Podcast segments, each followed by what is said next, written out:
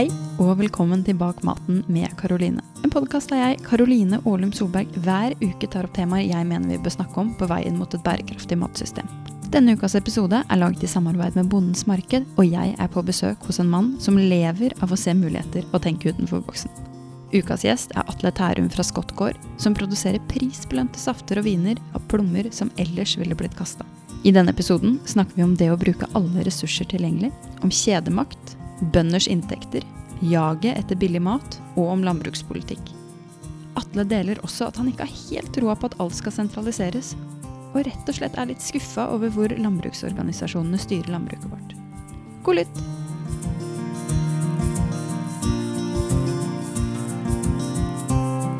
Hei, Atle. Hei sann, og velkommen hit til Skottgård. Ja, tusen takk, og velkommen på, på podden. Ja, det blir spennende. Jeg har lyst til å begynne litt med, med deg, Atle. Kan ikke du gi oss et, et, lite overblikk? Hvem er du, og hva er historien din? Ja, jeg er en bonde, heltidsbonde på 64 år. Eh, født og oppvokst på denne gården. Fjerde generasjon. Eh, jeg har tatt en utdannelse en gang i tida på Landbrukshøgskolen og hatt en glede av å ha noen jobber eh, før jeg blei heltidsbonde i 2000. Eh, så starta vi da i 1995 med å plante til eh, en del plommer, og fikk en avtale med Coop på det tidspunktet. Og etter det så har det vært plommedyrking. Og etter hvert også da en del foredling, som vi sikkert kommer tilbake til. Mm -hmm. For du har jo en del eh, produkter, plommeprodukter eh, spesielt. Både gløgg og saft og, og, vin som er eh, kjempegode. Jeg har smakt på mange av de selv. Og prisbelønte. Og du selger jo også til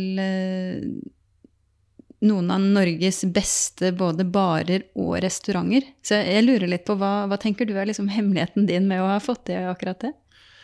Nei, hemmelighet og hemmelighet. Det hele starta vel opp med en slags tabbe på gården her. Vi skulle jo Eller det vil si, vi starta med plommer, og så er det jo slik da at for å levere plommer til grossist, så skal det være en viss størrelse og kvalitet. Og så vil det alltid bli ganske store volum som er for små, eller som er for stygge, eller som sprekker. Så vi ble veldig lei oss da når vi måtte kaste mye, og så tenkte vi da at uh, her må vi prøve ut nye ting. Og så hadde kona mi prøvd å lage noen krydderplommer. Så var det en høstdag jeg drev og la om taket ute hvor hun kom med en kopp, og jeg smakte og sa det smaker jo nesten som gløgg. Og så ble det starten på plommegløggen, som er det som er liksom starten på hele videreforedlingen min, da, hvor um, den uh, har vi da utvikla videre uh, ut fra den første såkalte tabben som kona gjorde på kjøkkenet og hadde tenkt å lage noe helt annet. Og det har blitt et produkt som gjorde at vi kom inn på Bondens marked. Og Bondens marked har jo vært med på å åpne øya mine og se muligheter og komme nærmere forbruker, og ikke minst eh, forbrukernes interesser og ønsker er det som har drevet meg. Ehm, så, Fordi de kommer og, og, og gir innspill på produktene dine? Ja, absolutt. Du får tilbakemeldinger hele tida. For, for, å ta emballasjen, da, flaskene mine. Jeg har hatt dem i 15 år eller lenger, men det er ikke et marked hvor det ikke er en, en som sier at 'å, så fine flasker'. Så Det er liksom hyggelig å høre, da. Alle sånne tilbakemeldinger gir deg en motivasjon og gir for seg stolthet i det yrket du jobber med. Det er øh, øh, det gjør at du klarer å, å tenke nye ting, og som, som jeg har sagt mange ganger, egentlig, og som jeg prøver å etterstrebe, det er at selv om du har suksess med noe, så må du hele tida la tankene gå videre og tenke nye produkter og nye utviklinger og forbedringer. Og for meg er kvalitet i høysetet, kvalitet og ekthet, kan du si. Eh, alt jeg lager skal være 100% dyrka på gården her. Det er mitt mål det året jeg eventuelt av ulike årsaker ikke får en avling. Så lager jeg heller ikke noen produkter. Så det er liksom noe jeg har bestemt meg for å gjøre, da. Og det er en del av min kvalitet, er at jeg har ekthet i hele produksjonen. Alt er dyrka på gården, alt er foredla her 100% av meg. Jeg har hjelp til å sette etikett på flasken, ellers så gjør jeg all produksjonen sjøl. Så, så veldig opptatt av det med kvalitet og de små nyansene der, og viktigere det enn å tenke volum for meg, da. Men det er jo garantert den, eh, det fokuset du har på, på, kvalitet som har gjort at du har kommet inn de stedene du har kommet inn. Da. Og du har jo samarbeida med eh, noen av Norges beste bartendere og kokker i utviklingen av produktene dine. Kan ikke du si litt om hva slags Jo. betydning det har hatt for deg? Det har, hatt kjempe, det har hatt helt avgjørende betydning. Altså, det er snart fire år siden nå jeg fikk en, en uh, mail fra en dame som het Monica Berg på en bar som het Himkok. Jeg hadde ikke hørt om noe av det her før i det hele tatt. Nå viser det seg at den damen eh, ble kåra til verdens beste bartender i fjor, og Himkok er den 17. beste bar i verden. Og jeg kom der da en eh, kald vinterdag i januar i 2017, blir det vel. Eh, Med IFKO-kassa mi med alle produktene mine og stilte opp på bardisken, og, alle, og eieren og alle bartenderne kom, og de smakte og de likte, og, og det var starten på et lite eventyr for meg, egentlig, med en oppbacking fra de fantastiske bartenderne som er helt unike når det gjelder smak og smakskombinasjoner. Eh, Og hun da eh, var også en, en markedsfører for meg, eller hun tipsa andre om mine produkter. Og, og så fikk jeg besøk eller kontakt med Kontrast og Mikael Svensson der, som også inviterte meg inn og likte og kjøpte mine produkter og ga meg innspill. Jeg har stått i bakgården på Stadholdergården og Bent Stiansen, og han har skrytt av produktene, og samtidig som han gir meg tomkasser tilbake etter å ha kjøpt plommer.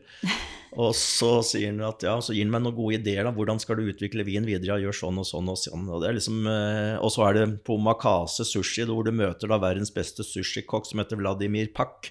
Når jeg kommer og leverer plommer, så når jeg leverer plommer til restauranter, så tar jeg dem alltid rett fra hagen, aldri innom et kjølerom. Så når de kommer inn på restauranten, så står de og lukter på plommene. Det er en fantastisk lukt av de da. Så det med lukt og smak og de kvalitetene som er rundt, eh, rundt råvarene, men også de produktene jeg lager Du får ikke bedre produkter enn det du har råvarer til. Det er liksom grunnleggende. Så eh, jeg har jo vært kjempeheldig. Jeg har varene mine i dag inne på sju Michelin-restauranter i Norge, og vinene mine er veldig populære og har fått priser både i Danmark og Norge, faktisk. Så jeg har vært heldig, men på en annen side så har jeg også gjort vært opptatt av det med å ha de riktige råvarer, gjøre eh, produksjonen på Produksjon av frukter og bær på en skikkelig måte, høste det optimalt, ikke minst, det er veldig viktig. eh, og, og gjøre den håndverksmessige videreforedlingen som gjør at du ender opp med noe som er veldig bra. Og ta til deg råd og vink. Mm. Ja, for du er veldig opptatt av det å ikke mekanisere for mye i produksjonen din, da. Jo, det er klart, eh, du driver småskala i landbruket, så kan du fint bruke opp eh, fortjenesten din, og, og mer enn det. Eh, Jeg er opptatt av å drive på en enkel og grei måte. Det er mulig at jeg eh, jobber litt for mange timer i døgnet osv., men når du har gleden av å drive med ting, så er ikke de timene så veldig avgjørende, egentlig. Kunne sikkert ha mekanisert en god del mer, men, eh, men jeg er opptatt av å drive relativt eh, små volumer, og, og da kan jeg drive på en enklere måte og klare meg med mindre investeringer også. Mm. Du nevnte jo så vidt eh, at ikke plommene dine hadde vært innom eh, kjølelageret. Og jeg vet du er veldig veldig opptatt av det her med å levere modne plommer. Ja. Hvorfor betyr det så mye for deg? Nei, du kan si du, du gjør et valg en gang i tida med å starte med en produksjon. Først finner du et areal som egner seg både med jord og klima, og så planter du noe, og så går det da fem, seks, sju år. Du skal velge sorter, da. Hvilke sorter skal du velge? Og det som er problemet i landbruket, er at du kanskje går for det som gir deg flest mulig kilo per arealenhet. Og det gjør at mangfoldet blir borte. Så jeg har tenkt litt annerledes. Jeg har en For da er det noen sorter som gir mye, og så dropper man de sortene som er som gir lite, lite, ja. ja. Men som kanskje har fantastiske smaker og fantastiske kvaliteter. Mm. Men som ikke blir betalt ut fra det, da. Men jeg har eh, 14 ulike plommesorter, så jeg har ferske plommer fra ca. 10. august til 10. Og leverer inn til noen restauranter. Det passer meg fint, for jeg kjører også og leverer plommene mine personlig direkte sjøl til Coop, som er min eh, hovedgrossist, vært siden jeg starta opp. Uh, og da stikker jeg innom noen restauranter i Oslo og Drammen på veien til, til eh, hovedgrossisten. Da. Så, da er jeg veldig opptatt av at de skal få perfekte varer som er, kommer rett fra hagen.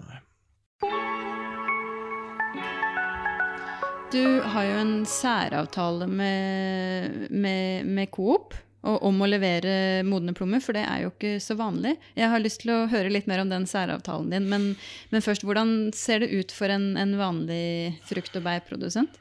Eh, Hva slags avtale er det de vanligvis har? Jeg kjenner ikke til alle vanlige avtaler, men sånn generelt når det gjelder eh, eh, plommer som jeg kjenner mest til, da, eller frukt og bær og sånne ting, så er det tenker jo grossisten og kjedene logistikk og holdbarhet, lengst mulig holdbarhet.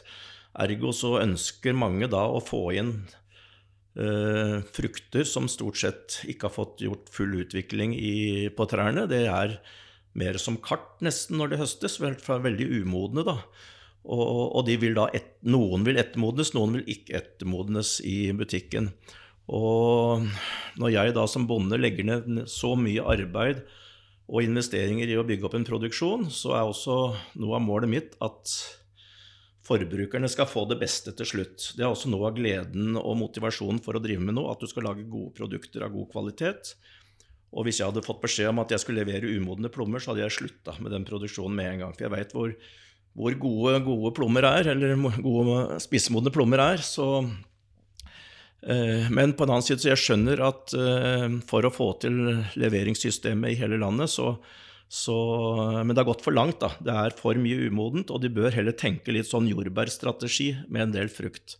Hva er jordbærstrategi? Jordbærstrategi, det er jo eh, Det skal fort, fort ut i butikkene. Det skal ikke stå på lager i to-tre uker og stå i butikken i lang, lang tid. Det skal brukes og selges ut nesten på samme dag. Så, og sånn bør de kanskje tenke litt mer rundt en del eh, frukt og bær som har kort holdbarhet. Ja, avtalen min den, den kom jo egentlig til i 1995, når jeg starta med plommer. Da var jeg i kontakt med alle grossistene, egentlig, og jeg hadde egentlig en favoritt da, uten å nevne navn. Men eh, Coop kom meg i møte og kom på besøk og diskuterte sortsvalg og sa at de ville gjerne ha gode plommer ute i butikken, og det endte opp med at vi skulle plukke spisemodne. Så jeg har en, på en måte en avtale om at jeg høster om dagen, kjøler ned og leverer samme natta til Coop, så de neste dag kan ha det ute i butikkene sine. Og det litt pga. at jeg ikke er så stor, så har jeg også fått lov til å kjøre direkte til Coop. Så jeg står ved siden av semitrailer på det store hovedlageret til Coop på Jessheim og leverer plommene mine. Kanskje 15 turer i sesongen er jeg der inne, med rundt et tonn hver gang. Og i hvert fall gutta på lageret på Coop er veldig fornøyd, for de får ikke, de plommene mine er de beste, sier de. For det, å spise umoden frukt er ikke akkurat så veldig godt, da. Så, men, men, det må Det er en balanse her. Så, men jeg mener det kan forbedre seg betydelig. At de kan gjøre mer for at, at, ting med kort holdbarhet kommer raskere ut, og ikke skal ligge så lenge verken på lager eller i butikkene. Mm. Og kjøre litt mer kampanjer. Men det er klart det er litt for mye kroner og øre som teller, og forbrukernes beste er jeg ikke sikker på kommer like mye høysete bestandig. Jeg vet, jeg vet, du har sagt at du kunne ønske at flere visste at de kunne få til litt sånne småjusteringer i forhold til avtaler med kjedene. Hvorfor er det viktig, tror du? Det er klart for min egen del så fikk jeg jo et år beskjed fra Coop om at nå skulle det merkes sånn og sånn, og det skulle legges, gjøres klart på paller osv. Og, så og så skrev jeg en mail tilbake og sa at ja, men altså, da må jeg kjøpe meg en ny lastebil, og da må jeg gjøre sånn og sånn. Og vil dere ha plommene mine, eller vil dere ikke ha plommene mine? Og de ville jo veldig gjerne ha plommene mine, da, for det er en bra kvalitet, og de har vært fornøyd med det hele tida. Så da fikk jeg beskjed fra Coop. Du har port nummer 121 på det store lageret vårt, og du kan komme med sprinteren din som du har gjort før, så får vi til det. Og så de har vist veldig fleksibilitet, da. Så jeg mener at det går an å snakke og diskutere med grossistene, og det kan ikke være sånn at det er diktatorisk makt uh, ut mot oss bønder. Det kan det ikke. Det er vi som tross alt lager disse fine varene. Mm. Men jeg vet at det er vanskeligere å få solgt produktene sine når man er, eh, produserer frukt og grønt, i forhold til f.eks. For meieriprodukter, korn og kjøtt. Kan ikke du skissere litt hvordan det her ser ut? Det har jo litt med at dette er jo, det er jo sesongprodukter for det første, og så er det veldig mye import på frukt og grønt også. Så det er jo mer stabil forsyning fra landbruket av både kjøtt- og melkeprodukter og kornprodukter gjennom året enn det det er av frukt, bær og grønt. Det er mer sesongprodukter. og, og du møter konkurransen fra utlandet, selv om det er tollbarrierer i enkelte perioder. Eh, og så er det kort holdbarhet, så det blir brukt litt mot oss noen ganger. Og, og gjør at vi ikke kanskje helt får det, det, som vi mener er det optimale, da. Vi hadde jo Gartnerhallen før i tida som var en samvirkeorganisasjon, men det er ikke så enkelt å drive med frukt, bær og grønt som det er å på en måte drive med produkter som du får jevnlig tilgang på gjennom hele året. Og så er det jo sånn at uh, for disse andre produktene, så Altså meieri, korn og kjøtt, så hvis man er medlem av et samvirke, så plikter de å ta imot produktene dine? Det stemmer. Det og det, stemmer. det, er det jo ikke for frukt og grønt. Burde vi hatt på, på, på, plass noe sånt nå, eller tenker du altså det er annerledes? En må jo prøve å Det er klart eh, det er ikke så enkelt, da, for du vet pga. vær og vind så kan jo avlinger variere helt enormt. Jeg har jo, kan du si, For å ta et eksempel, ett år så leverte jeg over 20 tonn. Neste år hadde jeg 1500 kg. Så sånne variasjoner kan vi ha fra år til år. Og da er det ikke så lett å være kjede eller grossist heller, da. Eh, du kan få altfor mye, eller du kan få altfor lite.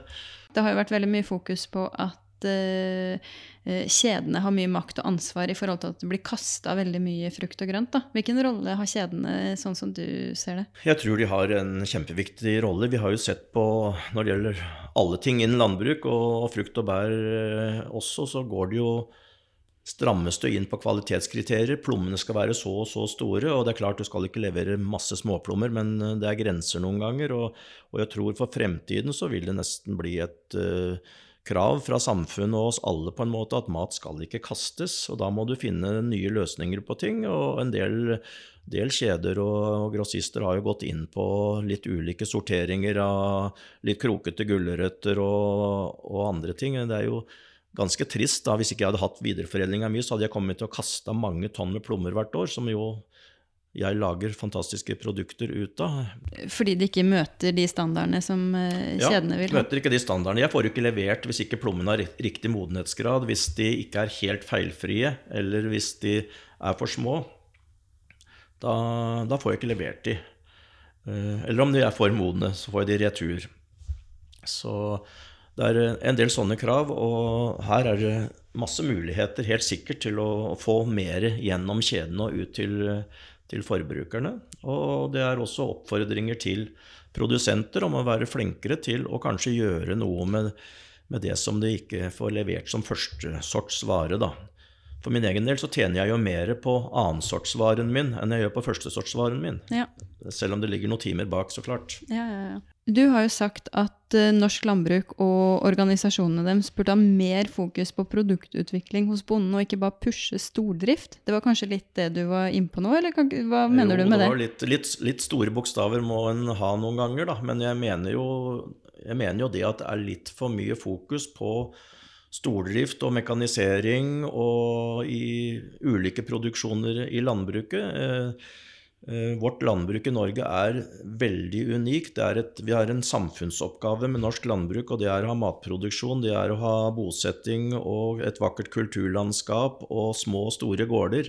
Eh, gården min er, var kanskje den største gården i bygda før, og nå veit jeg ikke helt om den er liv laga for fremtiden, du, i hvert fall ikke hvis du ikke driver med noe videreforedling. Og jeg synes det går altfor fort den veien. Altfor mye leiejord. Folk, folk kjører altfor langt eh, for å hente noen rundballer her og der, og det burde settes mer fokus på det, ikke minst av miljøhensyn. Og jeg mener miljødiskusjonen i landbruket òg er litt på ville veier noen ganger, når en da skal bare bli større og større og kjøre lenger og lenger, mens det er andre ting som du skal gjøre for å på en måte redde miljøet. da. Så den stordriftspushinga som på en måte selv eh, våre egne organisasjoner står bak. Eh, og som eh, myndighetene nå De har tatt vekk en del tilskuddsordninger, arealordninger, som før var begrensa på eh, si 30 dekar med frukt, fikk du en viss tilskudd til. Nå er det tatt vekk, så de som driver 2000-3000 mål, de får jo kjempesummer ut. Og det vil jo gjøre at alle små vil bli borte etter hvert. Og så sitter du igjen med en håndfull produsenter på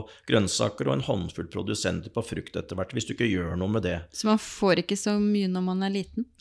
Eh, du får per dekar fortsatt, men, eh, men, det gjør jo at de store får enda mer eh, motivasjon. Eller de får jo desto mer penger. Før så fikk de ingenting. Og at ikke bondeorganisasjonen setter foten klart ned og sier at det aksepterer vi ikke, sånn vil vi ikke ha det, det skjønner jeg ikke helt at de ikke kan, kan gjøre. For det fører til at mangfoldet blir borte. Det blir, du ser bare på jordbær, det ender opp med noen få jordbærsorter.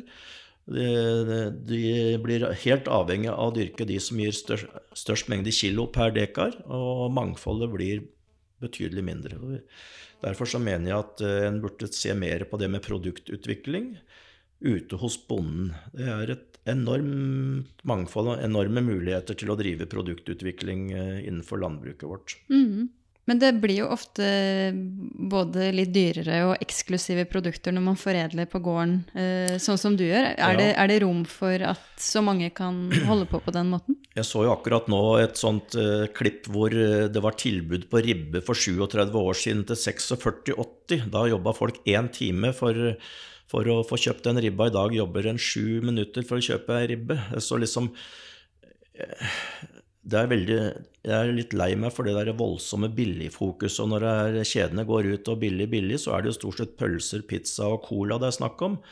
Istedenfor at de kunne snakke om alle de flotte, fantastiske kvalitetsproduktene våre som vi har i verdens nordligste landbruk, og som ingen kan overgå oss på. Og heller eh, kanskje vår industri og organisasjoner kunne også se litt mer på mulighetene våre for litt eksport av noen av produktene våre. For det, det tror jeg absolutt er muligheter for. Men eh, jeg tror at eh, våre produkter dyrka under de fantastiske forhold og, og natur og det hele vi har i Norge, det har eh, store muligheter. Absolutt. Men vi har jo, um, tilbake til dette med pris, så har vi jo en forbruker som er veldig opptatt av pris i Norge. Hvorfor er han det? det Ja, jo er på grunn av kjedenes fokus hele tida på TV, radio, media, hele tida pris, pris, pris, pris, billig, billig. Og jeg skjønner godt i det daglige at, at folk eh, ønsker å, å kjøpe, mm, kjøpe maten på en billigst mulig måte. Men, men hvis det da går utover at du får en dårligere kvalitet og dårligere kosthold, så, så bør en tenke litt eh, annerledes. For mat er tross alt grunnmuren i samfunnet. Altså å få ordentlig mat er viktig både for eh, helse og, og alt for, for folk flest, da. Men hvordan, det var det jeg egentlig skulle spørre om, hvordan snur vi det her? Nei, jeg tror, er, jeg tror det er holdningsendringer på gang. Jeg ser jo bare nå i forbindelse med den koronatiden vi har vært eh, inne i, så tror jeg folk har fått opp øya for hva som er viktig, og ikke minst eh, at de har forståelse for at det, koste, det koster å, å dyrke og produsere mat. eh, Og bøndene skal også ha en inntekt på lik linje med, med andre i samfunnet. Eh, og det skal være interessant for ungdom å kunne overta, og, og da må det være en inntekt i dette her. Og, og fordelingen mellom bonde, industriledd og kjeder bør det kanskje ses litt nøyere på også. Hvordan da? Nei, altså det er tilbud på ting, men hvem er det som betaler prisen? Jo, det er jo gjerne bonden til syvende og sist, da. Og, og det er kjedene du tenker sitter igjen med pengene? jeg mener det er altfor mye makt hos kjeder, og i og for seg selv vår egen industri òg er blitt voldsomt stor etter hvert. Og, og jeg er ikke sikker på bestandig at ja, Det er klart de er jo veldig viktige for oss, da, men, men de glemmer noen ganger hvor de kommer fra, tror jeg. Altså samvirkene? Ja, det òg. Ja, Mm. absolutt. Ja. Vi har jo en del eksempler rundt omkring eh, hvor slakterier legges ned, f.eks., og det er oppstandelse her og der. Så eh, det er jo også Norsk landbruk pusher jo på en måte også en viss sentralisering, da, som vi alle i utgangspunktet er imot, men som, som skjer i landbruket også, og som fører til at eh, jeg reist mye rundt i landet, oppover i Nord-Norge og Trøndelag, og, og ser eh, Østerdalen, eh, Gudbrandsdalen, oppover i Nord-Norge, så er det masse bruk som ikke drives lenger. og og det er klart det hadde vært muligheter der til en kombinasjon av matproduksjon, turisme og mange andre forhold, men da må det være motivasjoner for det, og da bør en kanskje se litt til hvordan landbruk drives i Sveits, hvor det er en slags eh, deling på det, hvor det er en del ordninger som gjør at, eh, at folk vil bo i distriktene, en vil drive noe matproduksjon, det må være mulig å kombinere med andre ting, og det er, et, det er, en, det er store muligheter. men Drar du dette her altfor mye i stordriftstankegangen, så, så dør bygdene ut. Dessverre. Hvis det er som du sier at dette ikke er en utvikling bøndene egentlig ønsker seg, hvor, hvor kommer denne drivkraften fra? Mot sentralisering og større og Nei, men Det ligger vel noe i de fleste at alle på en måte ønsker å bli større og tjene mer. Det ligger vel i alle på en måte, men uh, en burde ha Altså kanskje alle mennesker ønsker Alle å mennesker på en ja. måte ønsker å tjene mer og bli større, men, men kanskje en bør sette ned foten litt og ha litt Jeg har bestemt meg på gården min at uh, jeg har hatt tilbud om å leie mye jord rundt omkring, men takka nei. For jeg mener at gården min er stor nok. Hvis ikke jeg klarer å få til en inntekt og et livsgrunnlag på den gården her, da, da gidder jeg ikke å drive i landbruket lenger, rett og slett.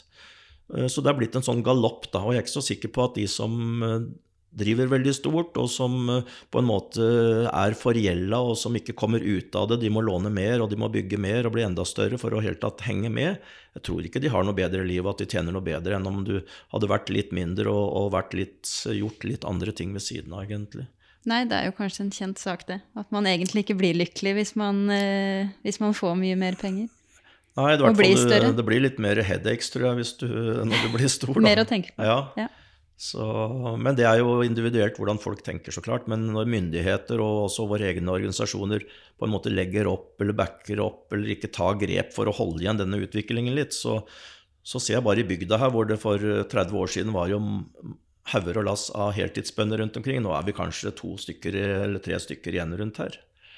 Men Hvilken betydning har det for, eh, for bygda her? At Nei, dere bare klart. er to igjen? Nei, men det, det, er jo soleklart. Det er jo ikke bare her, men mange andre steder. Det er jo soleklart med en sånn eh, stor jordleieopplegg, og det blir færre bønder som driver, så blir det jo også etter hvert færre familier som bor, og det blir færre unger, og det blir, jo bli færre på skolen, og da kuttes kanskje skoler ut, servicetilbud blir borte, og så, og så rakner eh, de små bygdene da, etter hvert.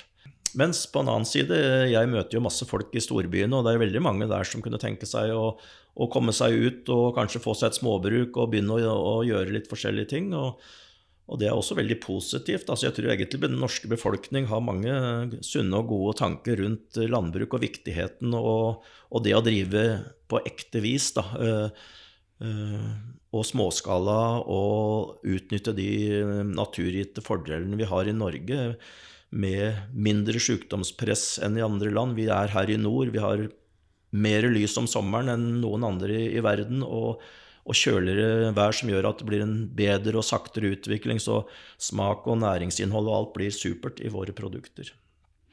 Men tilbake til uh, dette med liv i bygdene og sånn. Jeg opplever jo at det kanskje er litt uh, todelt. At både ungdommen får uh, ha høyere utdannelse og ønsker seg inn til byene, og samtidig som, som det du sier, da, at de, de, også ønsker å komme litt tilbake til, til landet og den nærheten til naturen.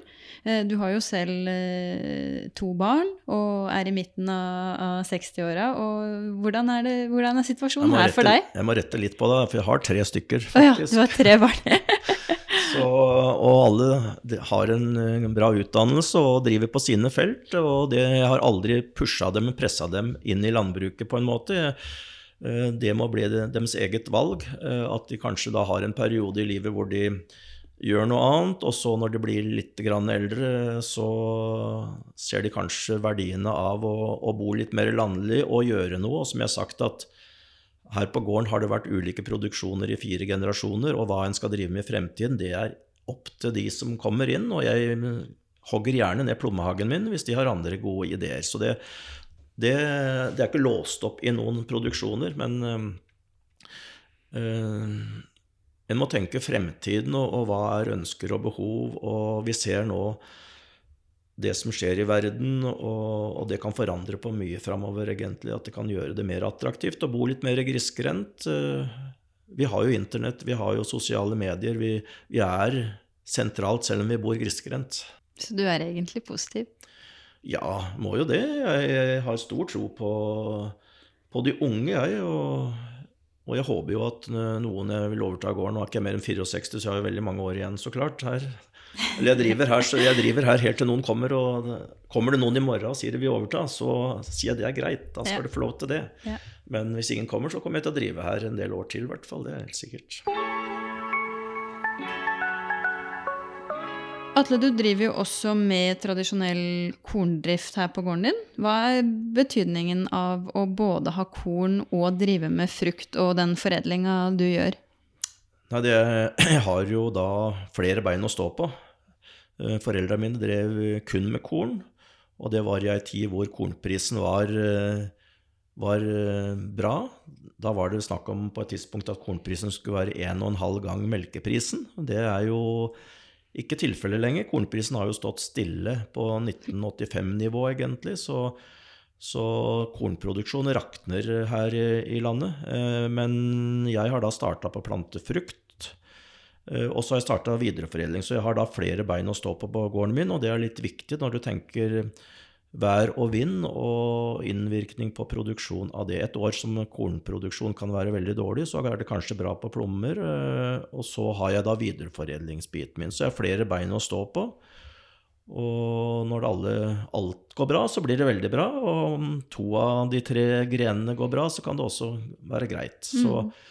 Så, det er det mangfoldet litt da, som jeg er opptatt av. Ikke veldig avhengig av å putte alt i én Alle egga i samme kurv? Alle egga i samme reir, for å si det sånn. Ja. Det skaper deg litt mer trygghet for, for inntekter og, og fortsatt å kunne drive med landbruket. Men jeg syns jo det var veldig interessant det du sier med at kornprisen har stått stille siden midten av 80-tallet. Hvordan i all verden er det mulig, og hvordan får en kornprodusent økonomien til å gå rundt da? Nei, han gjør jo stort sett ikke det, da. Eh, det er jo veldig mange som har drevet kornproduksjon med å, å betale inn eh, penger fra jobben har utenom. Det er veldig mange som har gjort det i mange år. så ikke veldig mange som har tjent godt på å drive kornproduksjon, og korn har vært eh, mer eller mindre neglisjert av bondeorganisasjonene også, til fordel for husdyrproduksjon. Eh, det syns jeg det bør bli en forandring på. Kornarealet har gått voldsomt ned. Det har stabilisert seg litt nå det siste året, men, men kornprisen bør opp, og det bør settes mer verdi på korn. Korn er tross alt grunnlaget for for matproduksjon, enten det er eh, korn inn til kraftfôr til husdyra, eller om det er direkte til å lage brød og melprodukter til folk flest. Så det har vært stemoderlig behandla av organisasjonene våre. Det er litt for mange husdyrprodusenter som styrer i våre organisasjoner, og korn har blitt eh, uh, behandla for dårlig. Så kornprisen som sagt er omtrent på samme nivå i dag som den var i 1985. Hadde du fulgt kroneverdien, så skulle den vært dobbelt så høy. Og så tenker du deg at alle kostnader har tredobla seg i den perioden. Så det er ikke greit. Og det gjør at en gård som vi har, som en foreldra mine levde veldig godt av det arealet med korn, det er bare en liten del av inntekten i dag. Du nevner jo bondeorganisasjonene her. Er det de som bestemmer kornprisen, eller hvem er det som gjør det? Nei, det er jo forhandlinger med staten i jordbruksavtalene hvert år, da, men det er internt i Bondelaget òg, og innspill fra lokallag, fra fylkeslag osv. Så, videre, så er det jo husdyrhold og melkeproduksjon i hovedsak som på en måte legger lista.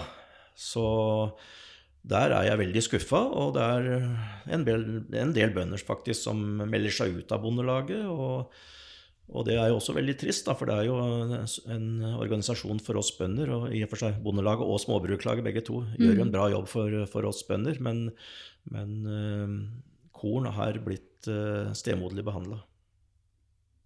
Så du, du, savner litt at det blir eh, styrt i en, en, litt annen retning? Ja, jeg gjør jo det, for jeg er opptatt av landbruk, at det skal være landbruk i hele landet. Det er, er jo så vakkert og så viktig, egentlig. Og, og hvis en ikke gjør noe grep, så vil det jo rakne sånn som vi ser at det har gjort i Sverige. Der er det landbruk kun i, i, helt i sør i Sverige, og bare kjempestore bruk. Og det vil gå den veien også her, hvis en fortsetter å den stordriftsopplegget som er både på husdyrsida og på kornsida og på alle produksjoner så er det et fokus. og En snakker om at en ønsker å ha beitende dyr, men hvis du har en kjempestor besetning, så har du ikke verken økonomi eller tid eller mulighet til å la dyra dine beite. Da blir det fòring på ett sted, og så gror det igjen rundt omkring allikevel. Så det er veldig viktig med mange mindre bruk, etter min mening. Men da må det være interessant for folk å kunne drive da, i kombinasjoner med andre ting. Så litt mer energi og fokus rundt å tenke alternative muligheter og, og, arbeidsplasser. Nå ser vi jo, nå har vi jo hatt hjemmekontor i snart et år. Og mange andre geskjefter kunne jo fint vært at folk satt på et mindre gårdsbruk og gjorde jobben sin, istedenfor å, måtte flytte inn til byene og, og jobbe på et kontor. Så, så er det muligheter framover, og det har vi sett. Og det, det mener jeg at eh, Bondelag og andre nå kan pushe enda mer, og, og håper også at uh, myndigheter skjønner det. Så du ønsker deg egentlig flere deltidsbønder? Ja, altså Norge er jo stort sett eh, helt avhengig av at det er deltidsbønder. Uten de så hadde vi ikke hatt nok matproduksjon. Og, og at det er deltidsjordbruk er eh, snarere en styrke enn en svakhet for landbruket, tror jeg. Eh, de som da tar penger fra andre produksjoner og putter inn i landbruket, det skal vi være sjeleglad for. Ellers så hadde det hadde sett, sett annerledes ut. Så vi er et såpass eh, småskala landbruk i landet her, så det er nødt til å være ulike kombinasjoner. Er veldig få som kan kun leve av rein kornproduksjon, rein kjøttproduksjon eller rein melkeproduksjon. Eh, det må være kombinasjoner. Men jeg tenker jo at det egentlig er kanskje noe veldig mange innerst inne ønsker seg. Da. At det er veldig mange som sitter på kontorer og på PC-en hele mm. dagen, som kanskje kunne tenke seg å gjøre litt andre ting. Da. Litt mer, og bruke kroppen litt mer og være litt mer fysisk. Ja da, absolutt. Og det er klart det er kanskje en del romantikk rundt sånn tankegang, men, men jeg er helt sikker på at det er så masse mennesker som kanskje ikke har røttene i landbruket, men som har eh, masse interessante tanker og ideer, og som kan komme ut og gjøre ting på en annen måte. Og det trenger vi i landbruket. Vi trenger at nye folk kommer inn med litt andre tankebaner enn det som har vært eh, i generasjoner, kan du si. da. For eh, vi er, kan, en kan jo innrømme det, at vi er jo litt trege i landbruket til å gjøre nye ting på én måte, men det er også viktig. Da, for Hvis en da hopper fra det ene til det andre hele tida, så vil en få store problemer. Så at det er en viss treghet. At en ikke hopper på det første og beste med en gang, det tror jeg er fornuftig. Men, men det er veldig mange positive og interessante øh, vinklinger som unge, nye mennesker kunne bringe med seg. Er det noen spesielle impulser du tenker på? Som du ønsker deg? Nei, men altså det, jo, det går jo på at vi skal, vi skal jo ha best mulig Jeg mener at alle land bør ha en størst mulig selvforsyning. Det er det ene. Og så har vi jo klima og miljø som det er veldig fokus på. Jeg mener jo at alt som produseres i Norge, må jo, og som da uh, brukes i Norge, er jo lokalprodusert mat. Og, og, så kan en jo også ha litt mer fokus på at uh, her er det også eksportmuligheter. Jeg hørte nå akkurat at uh, norsk geitost var da blitt kjøpt av noen sørkoreanere, og så plutselig hadde de, hadde de eksportert 52 tonn til Sør-Korea. Så klart det er det er jo en del land i verden med utrolig mye mennesker og utrolig potensialer, da, hvis du treffer de rette. Mm.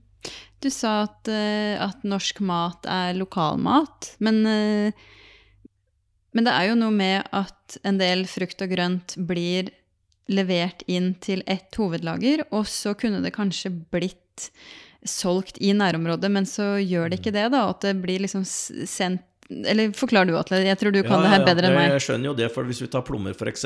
Hvis du tar Vestlandet, så er det mange små produsenter som leverer inn til et fruktlager der. Og så kjøres det over fjellet til hovedlageret til Coop, f.eks.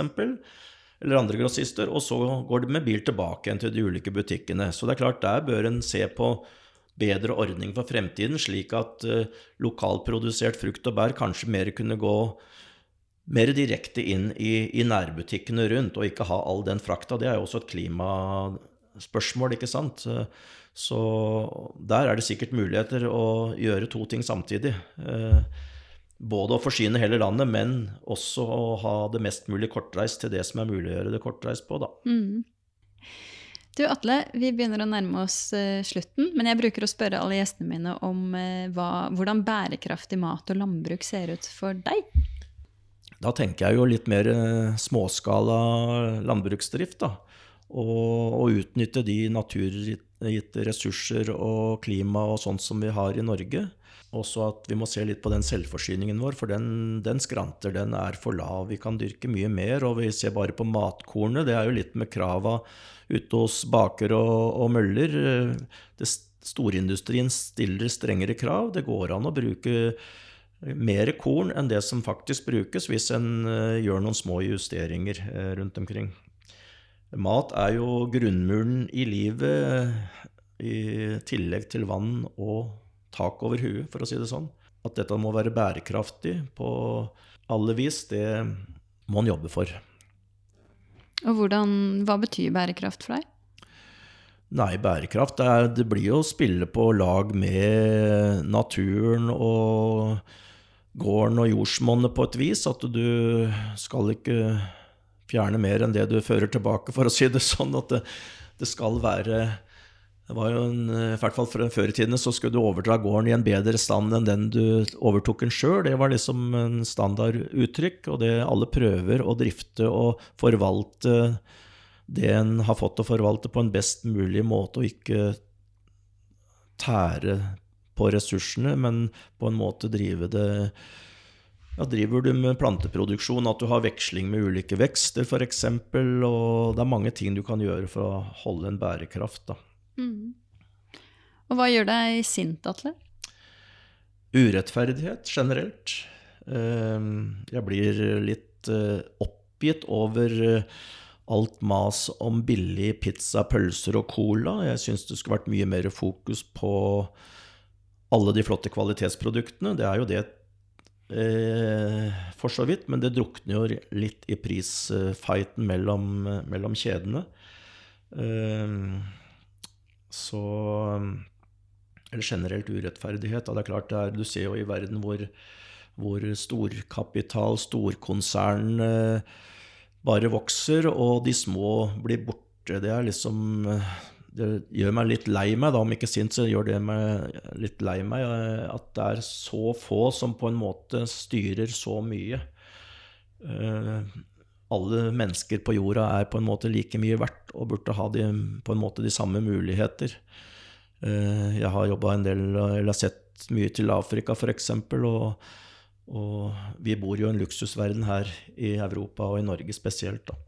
Eh, du har jo jobba i, eh, i, det som i dag er et av verdens største gjødselselskaper, nemlig Yara. Ehm, hva, hva, er tankene dine rundt liksom, dette med storkonsern og urettferdighet, og, og liksom Yaras rolle i, i, verden? Ja, altså Yara ble jo Eller Hydro, som het før. Det er jo på en måte storindustri, de, de driver. Eh, de produserer eh, næringsstoffer for, eh, for ulike vekster rundt omkring i verden. Så jeg mener jo at det er nødvendig med gjødsel. Ehm, det snakkes om økologisk landbruk. Eh, da er det med giftstoffer og sprøyting eh, det som bør ses på først, før det med mineralgjødsel, mener jeg, da. Så nå begynner vi å dra oss ut på viddene litt, og da blir det en større diskusjon her snart, altså. Jeg kan dra oss tilbake, Atle. Eh, helt til slutt, hva, hva gir deg håp? Hva gir meg håp? Det må jo være ungdommen, da. Det som eh, er utrolig flinke og ordentlige og har, eh, har en del eh, tanker om fremtiden. Og så annet, noe annet som gir meg håp i forbindelse med mat og landbruk, det er jo forbrukerne. Jeg møter jo på Bondens marked, og i og for seg også på noen rekoringer, tus, flere tusen forbrukere hvert eneste år. Og deres interesse for mat og matproduksjon og deres eh, endra verdisyn på mat og landbruk, det gir meg håp, absolutt. Tusen, tusen takk for at jeg fikk komme hit, og at du ville være med på podden. Ja, tusen takk for at jeg fikk uh, muligheten. Takk.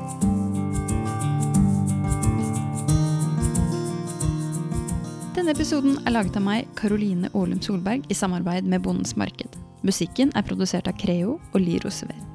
Om du vil dele ris eller ros, så finner du meg på bakmaten.no, og under Bak maten med Karoline på Instagram. Vi høres igjen neste uke. Ha det!